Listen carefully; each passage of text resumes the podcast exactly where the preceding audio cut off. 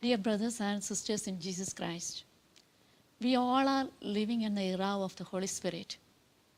And now, as we live in this world, we all need the power of the Holy Spirit. The church is in dire need of the Holy Spirit, the new Pentecost. And our life, we also need the Holy Spirit, the new Pentecost. And every day, we have to receive this power in our life. New Pentecost, Re-Pentecost. And the book of Acts of Apostles, chapter 2, 1-4. When the day of Pentecost had come, they were all together in one place. And suddenly from heaven there came a sound like the rush of a violent wind, and it filled the entire house where they were sitting. Divided tongues, as of fire, appeared among them, and a tank rested on each of them. All of them were filled with the Holy Spirit and began to speak in other languages as the Spirit gave them ability. Remember from the Word of God, they were all together in one place, waiting for the power of the Holy Spirit. Because after the resurrection of Lord Jesus, He promised to them, Acts chapter 1, verse 4, while staying with them he ordered them not to leave jerusalem but to wait for the promise of the father he said this is what you have heard from me for john baptized with water but you will be baptized with the holy spirit not many days from now we all are waiting for this power of the holy spirit and in this word of god we see that they were all together gathered in one place they were in praying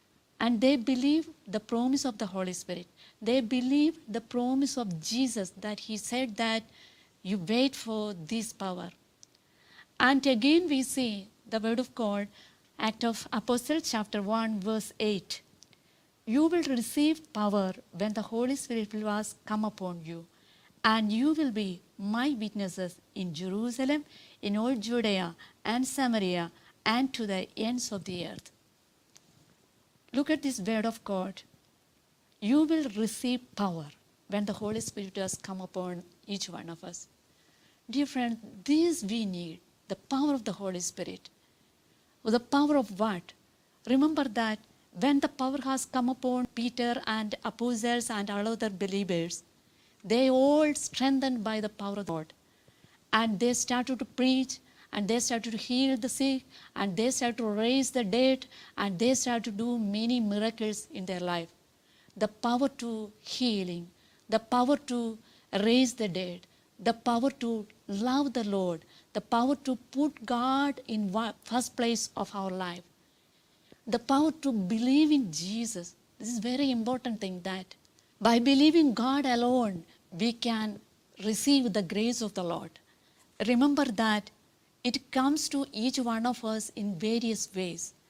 And when the apostles received this power, they filled with this grace, many graces. They started to speak in different languages. They started to do many other things. And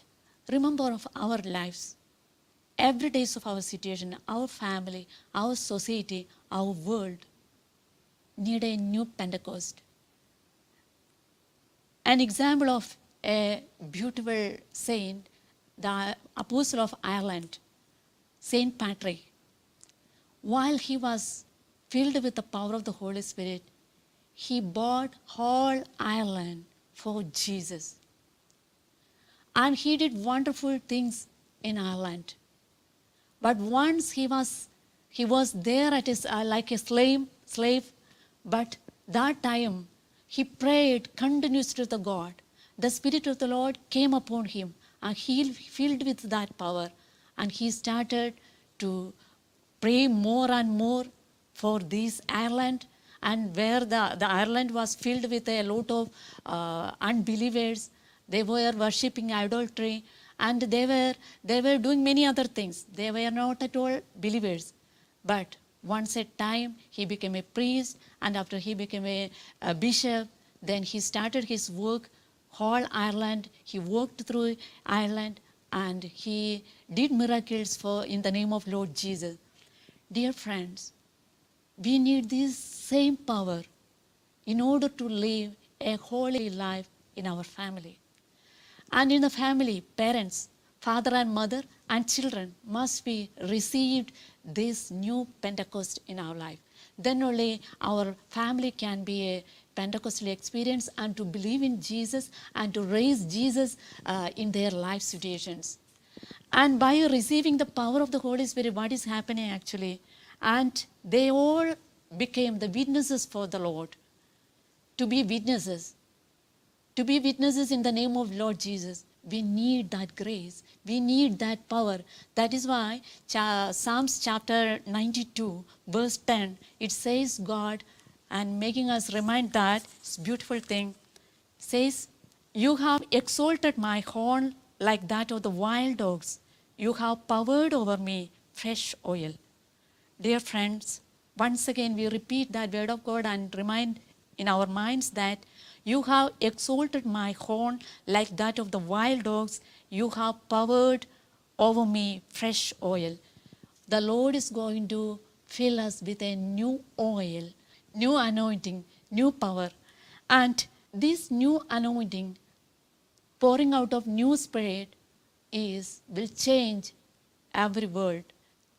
And once again, when we look at the Pentecost experience of the early church, and we see that suddenly from heaven there came a sound like the rush of a violent wind.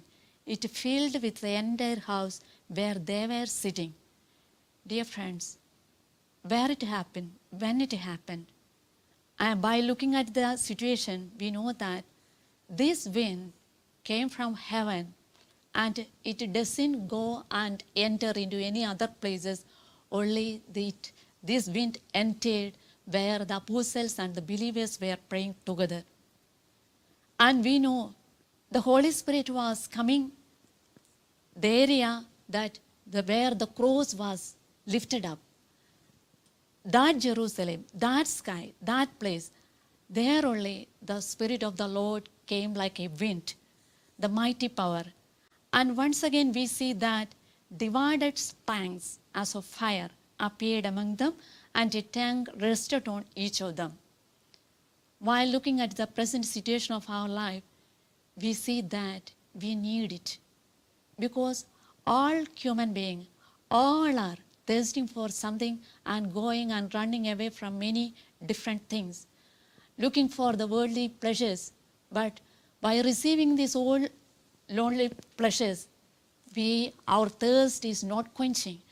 And if our thirst must be quenched, by the power of the Holy Spirit alone can do it.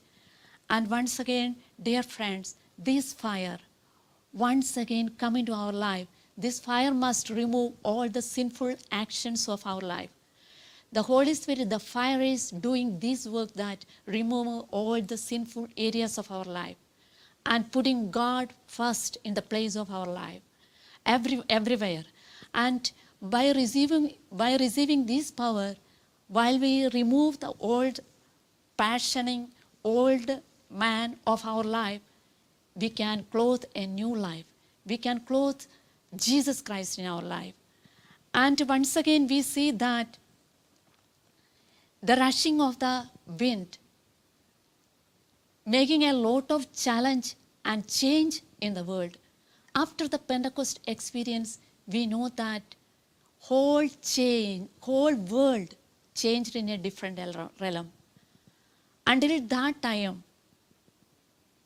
the world was in another way but everything made as new because of that Pentecost and now This is the same thing is going to happen in our life also. A new Pentecost, new life, a new grace is coming upon each one of us. The present situation of this world is demanding a lot while we receive the power and while we stand for the name of Jesus.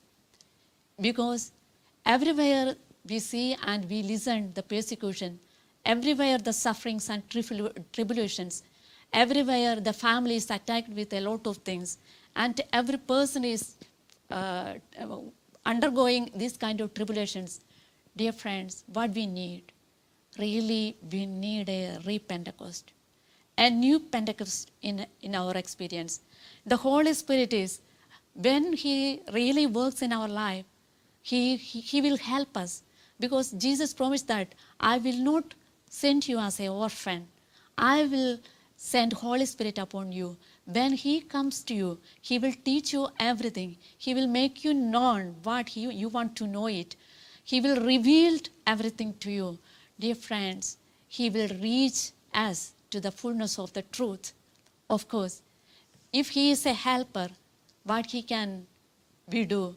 We have to ask for the help. For help what? The help is for to live for the Lord. to believe in God, to love God. And today's world finding a lot of difficulties to love and to forgive. And we ask for the power of God's again to power to love, power to forgive, power to do goods, power to do uh, activities for the Lord. And for everything, we need to give this grace and this power for that. And remember, all those people, those who are filled with the power of the Holy Spirit, They all have done and stand for the Lord. Moses, he was filled with the power of the Holy Spirit. Of course, he became a great leader of the people of God. And Joshua, he was filled with the power of the Holy Spirit. Of course, he did the wonderful things for the Israelites, and he opened the gate for the uh, Cana for the Israelites. So throughout the Word of God, it is again and again giving the grace that to filling of the Holy Spirit is very important thing. And for this purpose, what we can do? We do two more things. That is, one thing is to wait for the Lord. Wait for the Lord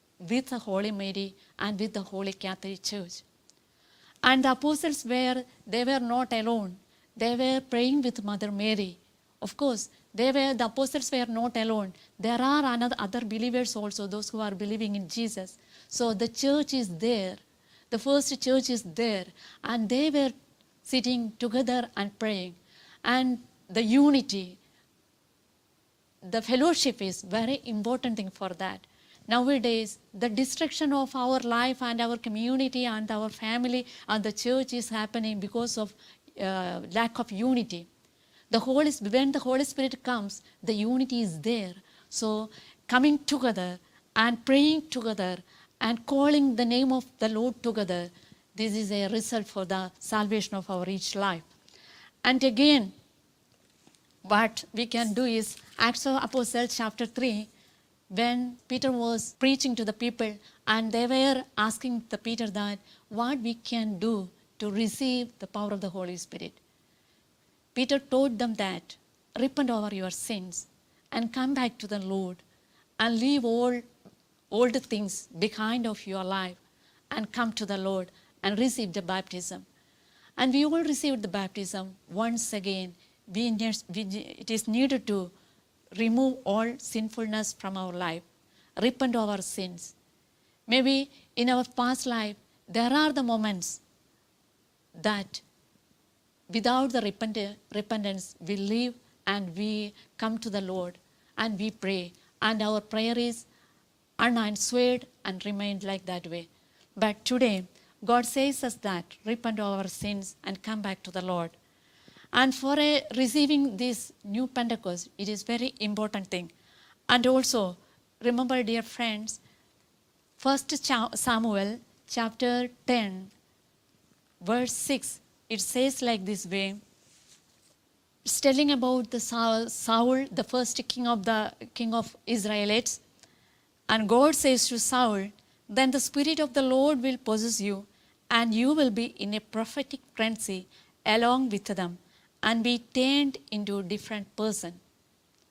it is true that once again we we can keep in our mind this word then the spirit of the Lord will possess you and you will be in a prophetic frenzy along with them and be turned into different person. When we receive the new Pentecost, it is going to happen that we all will become a new person, a different person. If you want to bring to the difference in the Catholic life, in the life where we live, the uh, work where we uh, do it, and dear friends, it's needed that the difference bringing the anointing, the new anointing, then only we can have change our life also. The new person, that is Jesus, if we want to wear him in our throughout life, of course, this power is needed. The Spirit of the Lord will possess you.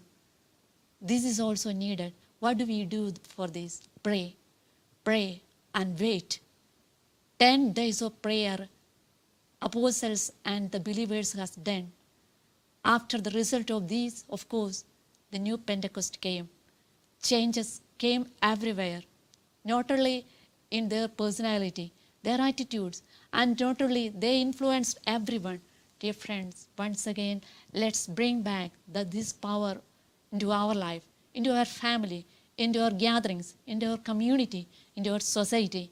once again let everything be renewed and let our praises and worship everything we uh, receive a new realm new power new graces and for this grace we all together pray let's close our eyes once again and we praise lord as we all are before you we pray that we all are in dire need of new pentecost in our life We need it, Lord.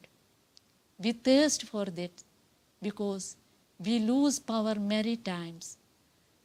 In different way, we find difficulty to love, we find difficulty to forgive. We need the grace, Lord. Strengthened by the Lord, we need to move.